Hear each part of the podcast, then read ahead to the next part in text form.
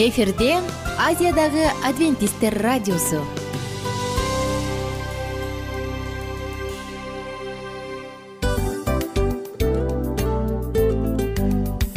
Достор салют. Баардык сүйүктүү угармандарыбызга салам айтабыз. Кутман күнүңүздөр менен.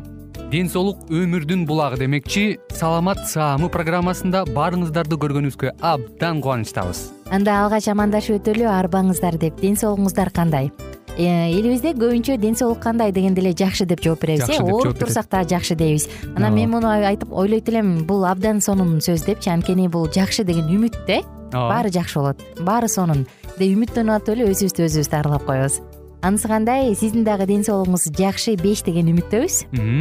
Чындыгында ден соолук бул өмүрдүн булагы деп бекеринен айтылган эмес деп ойлойм. Кыргыз элинде. Анткени эгерде ден соолук жок болсо анда адамдын жашоосунда калган баардык керектүү маңыздуу нерселер өзүнүн баалуулугун жоготуп коет. Ошондуктан ден соолук бул эң керектүү нерсе. Ооба туура айтасың кесиптешим. Чынында ден соолугуң жок бир эки үч күн ооруп калсаң эле э кандай болуп калат? Жашоодо көз каранды болуп каласың көп нерсеге жетишпей каласың көп нерсени кыла албай каласың жада калса эшикке дүкөнгө да чыга албай каласың. Туп туура анан ден соолук болсо демек биз биздин бактыбыз тодой деп койсок болот. Анда достор саламат саамы рубрикабызды баштайлы. Алдыда өзүңүзгө керектүү болгон сонун кеңештерди уга аласыздар. Мына ошондуктан биз менен бирге болуңуздар. Ал эми биз болсо милан жана айнура. Кеттик алга. Алга саламат саама ден соолуктун жарчысы. Саламат саама ден соолуктун ачкычы. Күн сайын сиз үчүн мыкты кеңештер сонун жаңылыктар кызыктуу фактылар. Биздин рубрикада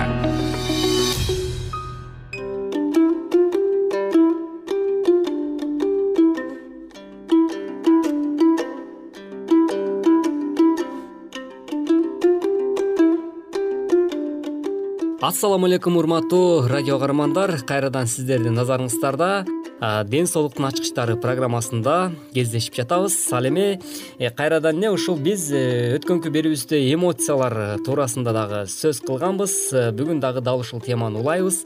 Тактап айтсак эндорфиндер башкача айтканда бакыт гормондору туурасында сөз кылмакчыбыз. Анда эмесе биздин толкундан алыстабай биз менен биргеликте болуңуз азыркы кездеги өнүккөн өлкөлөрдүн калкынын ичинде баңги заттар улам кеңири таралууда. Алар стресстен жана болуп көрбөгөндөй оор түйшүктөрдөн алаксууга жардам берет. Адамды жыргалга бакытка балкытып э, илим алардын адамдын ден соолугуна талкалачу аракеттерин ишенимдүү далилдеген факторлор да бар экен ошол эле учурда организмдин бакытка балкыган сезимди чакырган өзүнүн заттарын иштеп чыгууга жөндөмдүү экендигин да аныктады. Ал кошулмалар адамдын саламаттыгын сактоого жана коргоону күчтөрүн бекемдөөгө жардам берет. Демек адамдын организми дары дармектерге э, тете заттарды иштеп чыгара алат экен да ооба адамдын организми күнүгө миңдеген химиялык кошулмаларды иштеп чыгууга жөндөмдүү. Алардын көбү даарылык касиетке ээ. Э, деги эле адамдын өзүнүн организминде көңүл көтөрө турган кандай заттар иштелип чыгат? Жасалма жол менен чыгарылган заттардын ичинен рахат сезимине жеткирүүчү эң күчтүү зат баңги заттар болуп эсептелинет экен сен баңги заттардан эмнелерди билесиң мен негизи э, баңги заттар туурасында сөз кылганда э, угушума караганда э, албетте колдонуп көргөн эмесмин же болбосо айрым бир ошол массалык маалыматтар каражаттарынан укканда же буга чейин ар кандай баңги заттар туурасында сүйлөшүп калганды укканыма караганда мисалы апийимдер же болбосо героин беле ушулар жөнүндө кептерди кылып калганын кулагым чалып калчу эле да алар ооруларды басат жана адамды бакытка балкыган абалга жеткирет экен бул дары дармектер адам чыдагыс ооруну басуу керек болгон учурда өтө баалуу.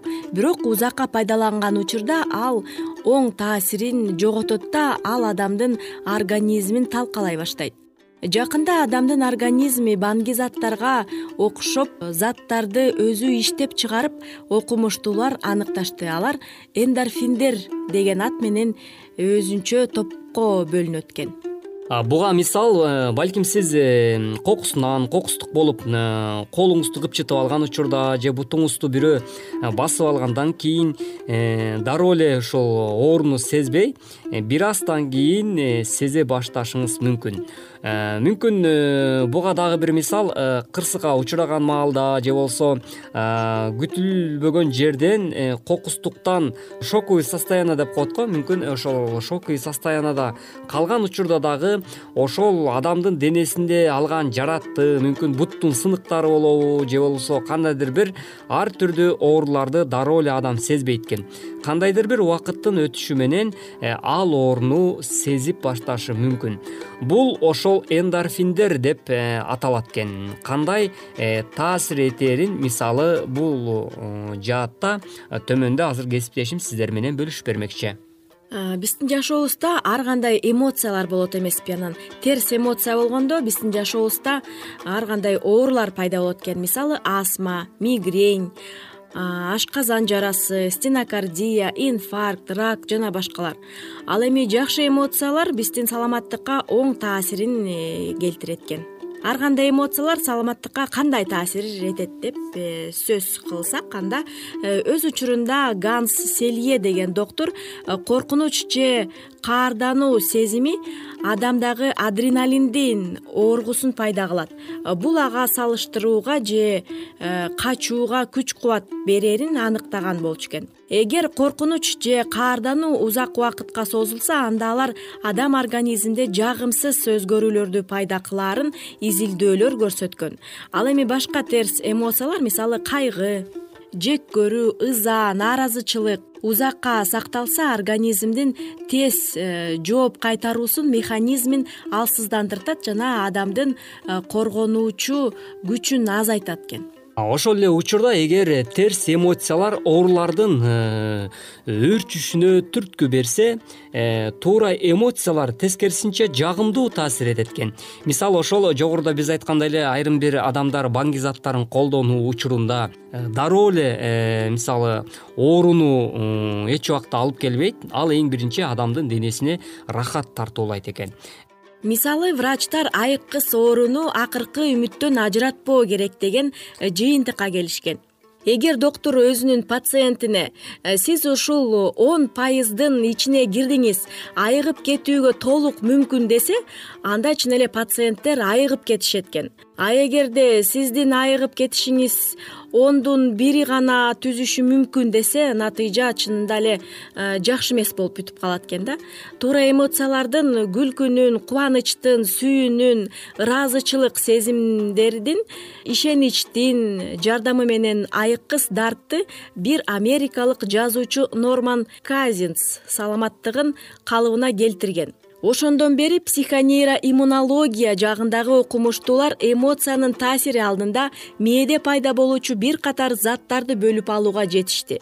Иммун системасынын чынындагы илдеттер кутулууга жардам берген жана адамдын көңүлүн көтөрүп бакытка балкыткан сезим пайда кылган жанагы эндорфин деген ушул экен. Жана ошондой эле дене бой көнүгүүлөрү адамга пайда алып келери э, баарыбызга эле белгилүү бул окумуштуулардын дене бой э, көнүгүүлөрдүн натыйжасында пайда болгон көңүлдүн көтөрүлгөндүгү денени чыңдоонун гана статусу болушу мүмкүн эмес экендигинде дагы бир башка себеби болушу керектигине көңүл бурушту э, анын бирден бир себеби болуп бул э, жогоруда биз айтып өткөндөй эле эндорфиндер деп аташкан.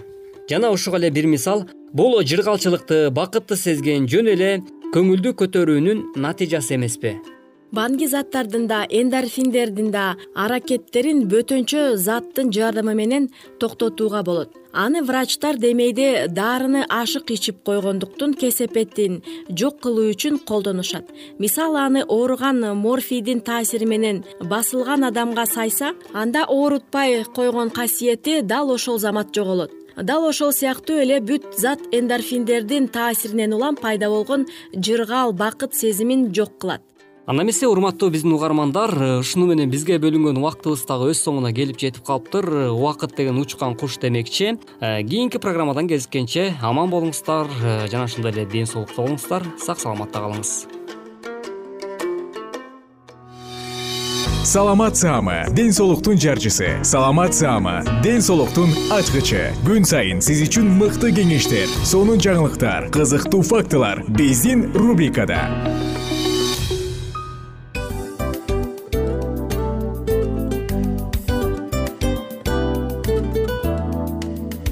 салам достор. Ачуу душман акыл дос. Акылыңа акыл кош демекчи биздин дил маек рубрикасына кош келиңиздер. Дил маек программасында ар кандай темаларды козгойбуз. Балдарды өстүрүү аларды тарбиялоо кантип балдарды бактылуу кыла алабыз. Жана кыз жигит ортосундагы мамилелер. Кыз жигит ортосуна кантип нукура таза сүйүүгө жетсе болот. Бактылуу үй бүлө куруунун кеңештери ар кандай сырлары жеке өсүү жана ар кандай кызыктуу чыгармачыл программаларга арналган рубрикабызга кош келиңиздер. Эмне үчүн дил маек? Анткени дил маек эки адамдын баарлашуусу сырдашуусу. Сизди да биз менен сырдашууга чакырабыз. Анда эмесе кийинки он мүнөттүк убакытта сиздер менен чын жүрөктөн сырдашып баарлашабыз. Даяр болсоңуздар анда кеттик ар түрдүү ардактуу кесип ээлеринен алтын сөздөр жүрөк ачышкан сыр чачышкан сонун маек. Дил маек рубрикасында.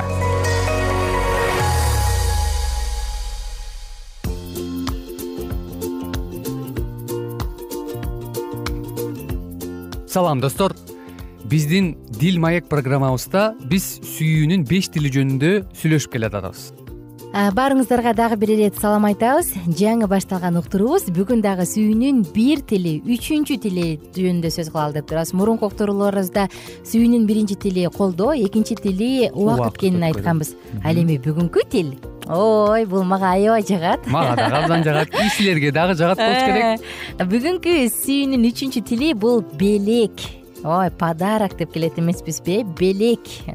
Белекти бекеринен эле сүйүүнүн символу деп аташпайт. Анткени ар бир адам кичинекей момпосуй болсо дагы белек күтүп келебиз. Сөзсүз. Эфирде мен мику жана менин кесиптешим аку сиздерге ушул белек сүйүү тилинин э, кенен кенен бир сүйлөшүп көрөлү бүгүн э ачып көрөлү. Э, мырзалардын кээ бирлери белек алганды жактырышпайт э. Алар айтат да мен милдеттүү катары өзүмдү сезип калам деп. А бирок албетте бул жүз кол беш кол тең эмес жүз пайыз мырзалар андай эмес белекти алгандар да жакшы көрөт. А бирок аямдар айымдар аял заты белек алганды менимче токсон пайыз жакшы көрөт болуш керек. Ооба жакшы көрбөгөн айым жок белек алгандычы. Биз мурунку уктурууларда айттык эле. Колдоо деген э, сүйүүнүн тили көп учурда эркектерге таанымал таандык деп. а бирок бул жерде белек тили э, албетте эркектерге да таандык. Бирок көбүнчө аялдарга таандык экен. Эмне себептен? Аялдар ушул белек тилин абдан сүйүп э, белек алуу менен алар сүйүүгө ээ болгонун сезишет экен. Мага атайын мени ойлоп алып келиптир ии карачы атайын мага арнап сатып алыптыр э? Ооба атайын мен үчүн кам көрүптүр карачы деп анын атайын ушул сүйүктүүсү үчүн жумшаган аракетин баалайбыз. Чындыгында ушундай. Анан ыйык жазыда дагы бир бар эмеспи? Жең ичинен берилген белек жүрөктү жибитет депчи эгерде жең ичинен жең алдында берилген белек жибитип атса ачык эле берилген белек анда жүрөктү элжиретип жиберет го. Чындыгында белек бүгүн бул жөнөкөй бир кандайдыр бир байлыктын же роскоштун же мындай жөн эле акча коротуунун белгиси эмес. Белек бул керектүү нерсе. Биз бүгүн белек дегенде эле э, шыр эле баягы автоунаанын ачкычын же квартира. Э, таиландка таиландка саякат баракчасын жолдомосун алуу жок ал жөнүндө эмес. Албетте алардын дагы өзүнүн орду бар. Эгерде мүмкүнчүлүк болсо сөзсүз түрдө кылыңыз бирок биз бүгүн белек дегенде мелочный нерселер жөнүндө сүйлөшөбүз. Кичинекей белектер бул белек сөзсүз түрдө килтейген көп акчага коротулган эмес. Жөнөкөй нерселер болот. Мисалы кандай мисал келтирсек болот белектерге? Мисалы э, жумуштан келе жатып жолдошу келинчегим гүлдү жакшы көрөт. Бир эле даана роза сатып алайынчы эгер акчасы тар болуп калса атайын алып келип берип койду же дүкөнгө кирип келинчеги чалып калды да нан чай май аны муну ала келчи деген келинчегим таттуу шоколад жакшы көрөт. Атайын ага арнап сатып алайынчы. Деп алып жөн эле берип койсо ой бул кандай гана жагымдуу да. Атайын сен үчүн сатып алдым деген сөздүн өзү эле канчалык жагымдуу ооба чындыгында белекти алган адам эгерде ал адамдын сүйүүсүнүн тили белек болсо ал ошол сүйүүнүн э, мени сүйөт экен дегенди абдан жакшы билип сезип калышат экен. Айтпа. Негизи эле белекти сатып алып же белек берип атканыбыз демек биз ал адамды ойлогонубуз туура мисалы мен эгерде микуга атайын белек сатып алып атсам демек мен ошол башка жакта жүрүп аны ойлоп анан ага деп атайын эстеп сатып алып аткандыгым. Эгерде мага бирөө белек сатып алып келип атса демек мени эстеп алып келген ой бул кандай жагымдуу да? Мени эстептир депчи. Бул кайсы гана жерде болбо кимдин гана ортосунда болбосун бирок белек адамга сөзсүз түрдө жагымдуу нерсени тартуулайт албетте. Эми белек деп айтып атканда негизи эле белекти кичинекей балдар да жакшы көрөт чоңдор да жакшы көрөт. Эми бул никеден тышкары эгерде кеп калган болсок э, негизи эле адамзат адамдар белек алганды жакшы көрөт бул көңүлдүн нерсеси. Бирок үй бүлөлүк жашоодо бул өзгөчө ролду ойнойт. Э, белек бул сөзсүз түрдө акчага алынган эмес бул өз колу менен жасалган нерсе болушу мүмкүн. Ал белек э, өз кол менен ишке ашырылган нерсе болушу мүмкүн э? Бул чындыгында эгерде биз ошол белектин тилин билип алсак а эми э, биз э, мурун айтканбыз биздин программаларыбыз сүйүүнүн беш тили деген китептен негизинде алынган. Ошон үчүн эгерде сиз бул темага андан дагы көп кызыгып дагы көбүрөөк билейинчи десеңиздер ал китепти жүктөп интернеттен телефондон дагы тиги компьютерден дагы окусаңыздар болот же мындай китептерди эле сатып алсаңыздар болот. Ал жерде белек тилин кантип билип алсак анык таап алсак болот. Мисалы жолдошу же болбосо апасы ата энеси э балага же келинчегине же жолдошуна баардыгын эле кылат. Жылуу сөзүн айтат жардам берет ушу чарчады го алтыным десе деп жардам берет болушунча убакыт бөлгөнгө аракет кылат. Бирок экинчи адамдын баары ооруту толбой атат демек анын сиз сүйүү тилин таба элексиз ооба. Демек эгер сүйүү тилин тапканды билбесек таба албасак анда биз канча аракет жумшабайлы тиги адам мени сүйбөйт. Бул адам ушундай экен деп бизден көңүлү кала берет экен да. Элестетип көр эгерде менин сүйүү тилим жардам болсо менин жолдошумдун сүйүү тили белек болсо мен ага канча жардам берип канча аракет кылбайын бирок ал ай мени сүйбөйт бул деп ойлой берет экен да. Балким ал сенин эмгегиңди баалайттыр ооба жардам берип атат ии деп ыраазы болор бирок баары бир канагаттанбай кала берет. Качан мен анын сүйүү тилин билип алып кичинекей болсо дагы колуман келген белекти бере баштасам анда ал ай мени сүйөт дейт экен да. Таң калыштуусу бул психологиянын аң сезим деңгээлиндеги нерсе бирок ошондо ал мени сүйөт деп ойлойт экен. Эгерде кызыктуу. жолдошум мени кучактап бетимен сүйүп жардам берип турса бирок менин тили сүйүү тилим белек болсо ал канчалык мага жардам бербесин канча жылуу сөзүн айтпасын бирок мен белек эле күтө берет экенмин да. Анан ал ошол белекти алып келип берип мага улам көңүл бурмайынча мен ал мени сүйбөйт деп кала берет экенмин элестет аку эми менде мындай суроо пайда болуп атат. Бир жооп берип көрсөң. Эми белек белек деп атабыз бирок кээ бирде чындыгында фантазияң жетпей калат да баягы башың иштебей калат канча белек бердиң болду. Эми эмне каяктан эми дагы эмнени фантазия кылам илхомду каяктан табабыз баарын берип бүттүк.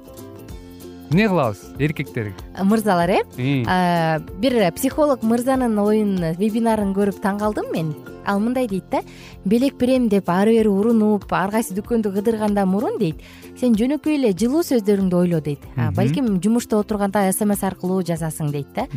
Бир сонун сөздөрдү атайын сен үчүн деп өзүңдүн жан дүйнөңдөгү жылуу сөздөрдү арнаарсың дейт. Балким жөн гана телефон чалып сен аны сагынганыңды айтып коерсуң дейт. Дүкөнгө келатканда баягы эми фантазия керек да сөзсүз түрдө белек тандоодо бир бала чагыңды эскерип койчу деп чупа чупс алып келип берип коерсуң дейт да. Кээде жөн гана тарак болобу кичинекей жүз арчы болобу тер деп атагандай ушу мени эстеп турчу деген сыяктуу кылып берип койсоң дейт. Бул сөзсүз эле белектин баасы эмес а жөн гана ошол процесс адамга жагымдуу дейт да. Анан мен бул мырзанын оюна чын эле кошулдум. Мисалы дайыма эле э, беш миң сом болобу он миң сомдук белек алганга шартыбыз жок болуп калат э? Ал эмес жүз сомдук белек алганга деле шарт жок болуп калат. Мындай учурда кичинекей болсо дагы гүл үзүп келип берип коесузбу же жөн гана жүз арчы берип азыр жай ошо ушуну менен ачынып турчу мени эстеп деп коесузбу мунун баардыгы жагымдуу экен да. Кызыктуу бир окуя болуптур кытайда. Э, аял күйөөсү күйөөсү э, алыс командировкага кетип атып бир айлык командировкага кетет экен. Бирок аялым ачка болбосо экен үйүнө келип күн сайын жумушуна дагы үйүндө дагы тамак болуп турса экен деп элестет жумушунан эрте келип суранып үч жумага холодильнигин толтурат экен.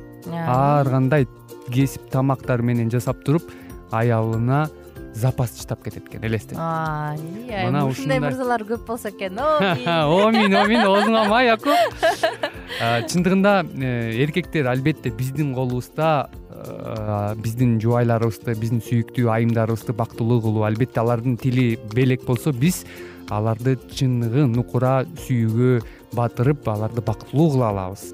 Анан эгерде сен жарымыңды ыраазы кылбай туруп андан көп нерсени күтсөң бул өзү туура эмес го деп ойлойм да анткени аял заты качан бактылуу болуп качан гүлдөй ачылат? Качан ага туура мамиле кылганда аны сүйүп сыйлап турганда ал гүлдөй ачылат э?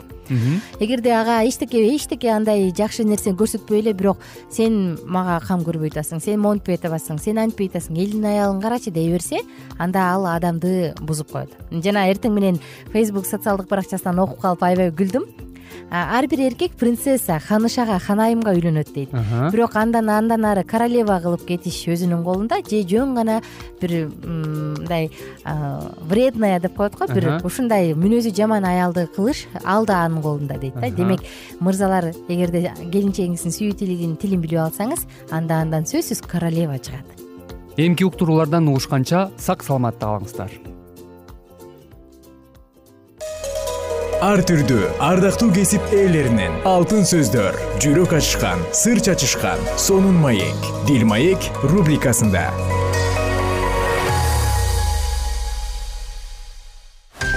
Жан дүйнөңдү байыткан жүрөгүңдү азыктанткан жашооңо маңыз тартуулаган жан азык рубрикасы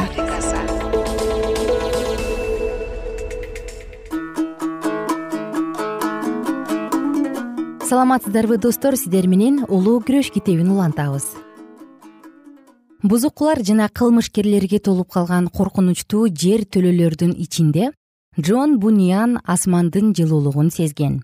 Ал жерде олтуруп ал өзүнүн образдар аркылуу көргөзүлгөн пилигримдердин боош калган өлкөдөн асмандагы жарык жайга карата сапар тартып кетип бара жаткандыгы жөнүндө чыгармасын жазган бетфаддагы абактын дубалдарында жаңырган ушул үн эки жүз жылдан көбүрөөк убакыт адамдардын жүрөгүнө өз күчү менен кайрылган. Пилигримдердин саякаты жана улуу күнөөкөргө карата болгон артык ырайым деген буниандын чыгармалары көптөгөн адамдардын өз өмүр жолдорун тандап алуусуна жардам берген. Бакстер флавил аллен жана башка таланттуу жана билимдүү эр адамдар касиеттүүлөргө бир жолу берилген чындыкты кайраттуулук менен коргошуп чоң руханий тажрыйбага ээ болушкан. Бул куугунтукталган дүйнөлүк башкаруучулар аркылуу мыйзамсыз деп аталышкан адамдар эч качан өздөрүнүн маанилүүлүгүн жоготушпайт. Флавилдин жазган өмүр башаты жана ырайымдын таасири аттуу чыгармалары көп сандаган адамдарды ыйса машаяктын жан аябастыгына ээрчүүгө үйрөткөн. Бакстердин кайтаруучу болуп төрөлгөн аттуу чыгармасы кудай ишине берилүүнү эңсеп самаган адамдар үчүн ак бата алып келген чыгарма болуп калды. Анын башка касиеттүүлөрдүн түбөлүк тынчтыгы деген китеби кудай эли үчүн али алдыда калып жаткан тынчтыгына адамдарды кайруу үчүн жаралган. Жүз жылдай убакыт өткөндөн кийин руханий караңгылыктын калың мезгилинде адамдардын жолдорун уэсли жана уайтфилд жарык кылды мамлекеттик жыйындын башчылык кылып турган мезгилдеринде англия өтө төмөн түшүп кеткен. Алар бут барас элдеринен анча мынча гана айырмаланып турган.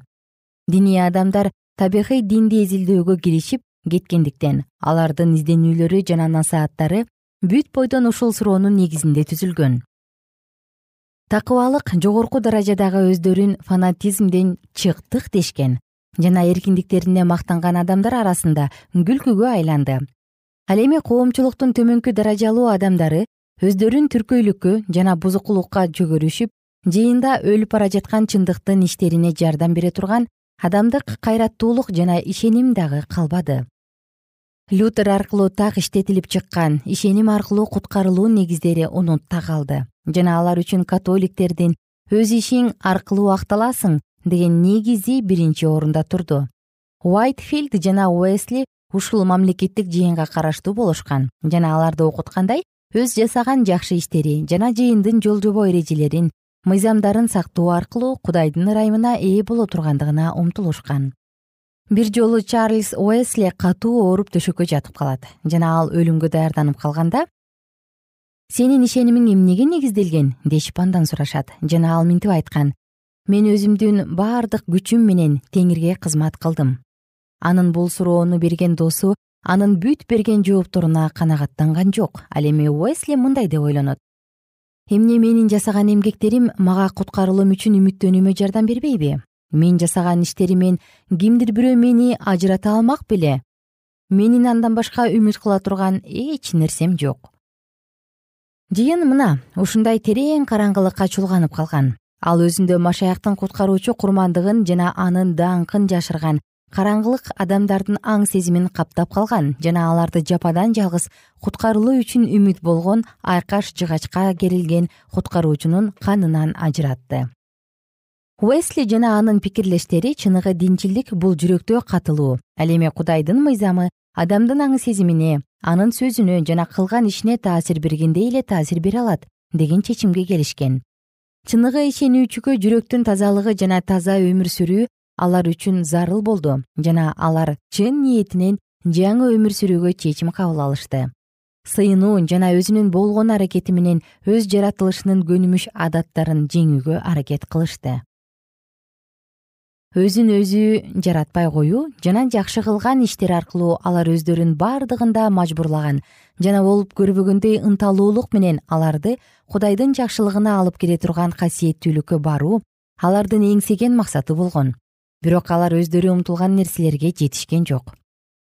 Өздөрүн күнөөнүн каргышынан арылтуу жана анын өздөрүнө кылган бийлигин талкалап салууга жасаган аракеттеринин баары бекерге кетти. Лютер дагы эрфурттагы монастырдын бөлмөсүндө ушундай эле күрөшүүнү башынан өткөргөн. Алардын баарын бир гана суроо кыйнаган адам кудай алдында кантип акталат протестантизмдин шаманасында бүлбүлдөп өчүп бара жаткан кудай чындыгынын оту богемиялык ишенүүчүлөр аркылуу берилген. Байыркы шаманадан кайрадан жаңы күч менен тутанып жалындоосу керек эле. Реформациядан кийин богемиядагы протестантизм римдиктердин аскерлери аркылуу басылып калган. Чындыктан баш тартууга макул болбогон адамдардын баары качууга туура келген. Кимдир бирөө саксонияда өзүнө баш калкалар жай тапкандан кийин ал жерде байыркы ишенимди сактоосун улантат. Ушул ишенген адамдын кийинки муундарынан уэсли жана анын пикирлештери чындыктын жарыгын кабыл алышкан. Джон жана чарльз уэсли кызматка кол коюлуп сыйынгандан кийин аларды миссионердик иш боюнча америкага жөнөтүшөт. Кеменин ичинде андан тышкары марафтык бир туугандар дагы бар болчу. Катуу толкун болуп качан кемедеги адамдар өлүм менен тике карашканда джон уэсли өзүнүн али кудай менен элдеше электигин сезет. Ал эми немис бир туугандар болсо джонго али тааныш болбогон өздөрүнүн камырабагандыгы жана теңирге таянгандыгы менен аны таң калтырат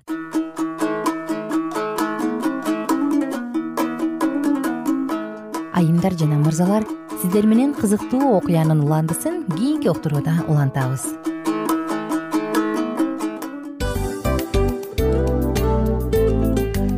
Мына ушинтип убакыт дагы тез өтүп кетет экен биз дагы радио уктуруубуздун аягына келип жеттик келип кубандырдыңар эми кетип кубандыргыла деп тамашалап калышат эмеспи? Анысы кандай? Радио баракчабызды программабызды азыр эле баштап аткандай болдук элек мына соңуна келдик э? Негизи убакыт э, билинбей өтүп кетет экен? Мен дагы убакыт дегенде бүгүн бир адам менен сүйлөшүп калдым. Анан убакыт бул мүмкүнчүлүк деп айтып өзүмө өзүм айтып алып анан мага өзүмө эле кайра ачылыш болду да чын эле. Э карап отурсаң ошол эле жыйырма төрт саат ошол эле жарым саат кайталанып атат бирок сендеги мүмкүнчүлүк жок ошол кой берилип кетти? Анысы кандай? Бүгүнкү сонун убактыңызды алтындай болгон жарым саатыңызды бизге бөлүп арнаганыңыз үчүн ыраазычылык айтабыз анан жашооңуздун кайсы бир сферасын өзгөртө турган сонун пайдалуу кеңеш алган болсоңуз анда биз максатыбызга жеттик. Анан ушул нерсени кылбасам десеңиз ошол өзгөрүүлөрдү кичинекей кадамдардан баштап иш жүзүнө ашырыңыз дагы жашооңузда чоң чоң ийгиликтерге жетиңиздер. Чын жүрөктөн ар бир берилген кеңештер сөздөр сиздерге пайдасын алып келет деп ишенебиз. Жана кийинки уктурууларда сөзсүз түрдө чыдамсыздык менен сиздерди күтөбүз сагынычтуу салам айтып кайрадан дал ушул жыштыктан баардыгыңыздарды тосуп алганча. Кызматта мен айнура жана кесиптешим милан. Анда кол пул каалайбыз жалпыңыздарга ийгиликтүү күн. Саламатта калыңыздар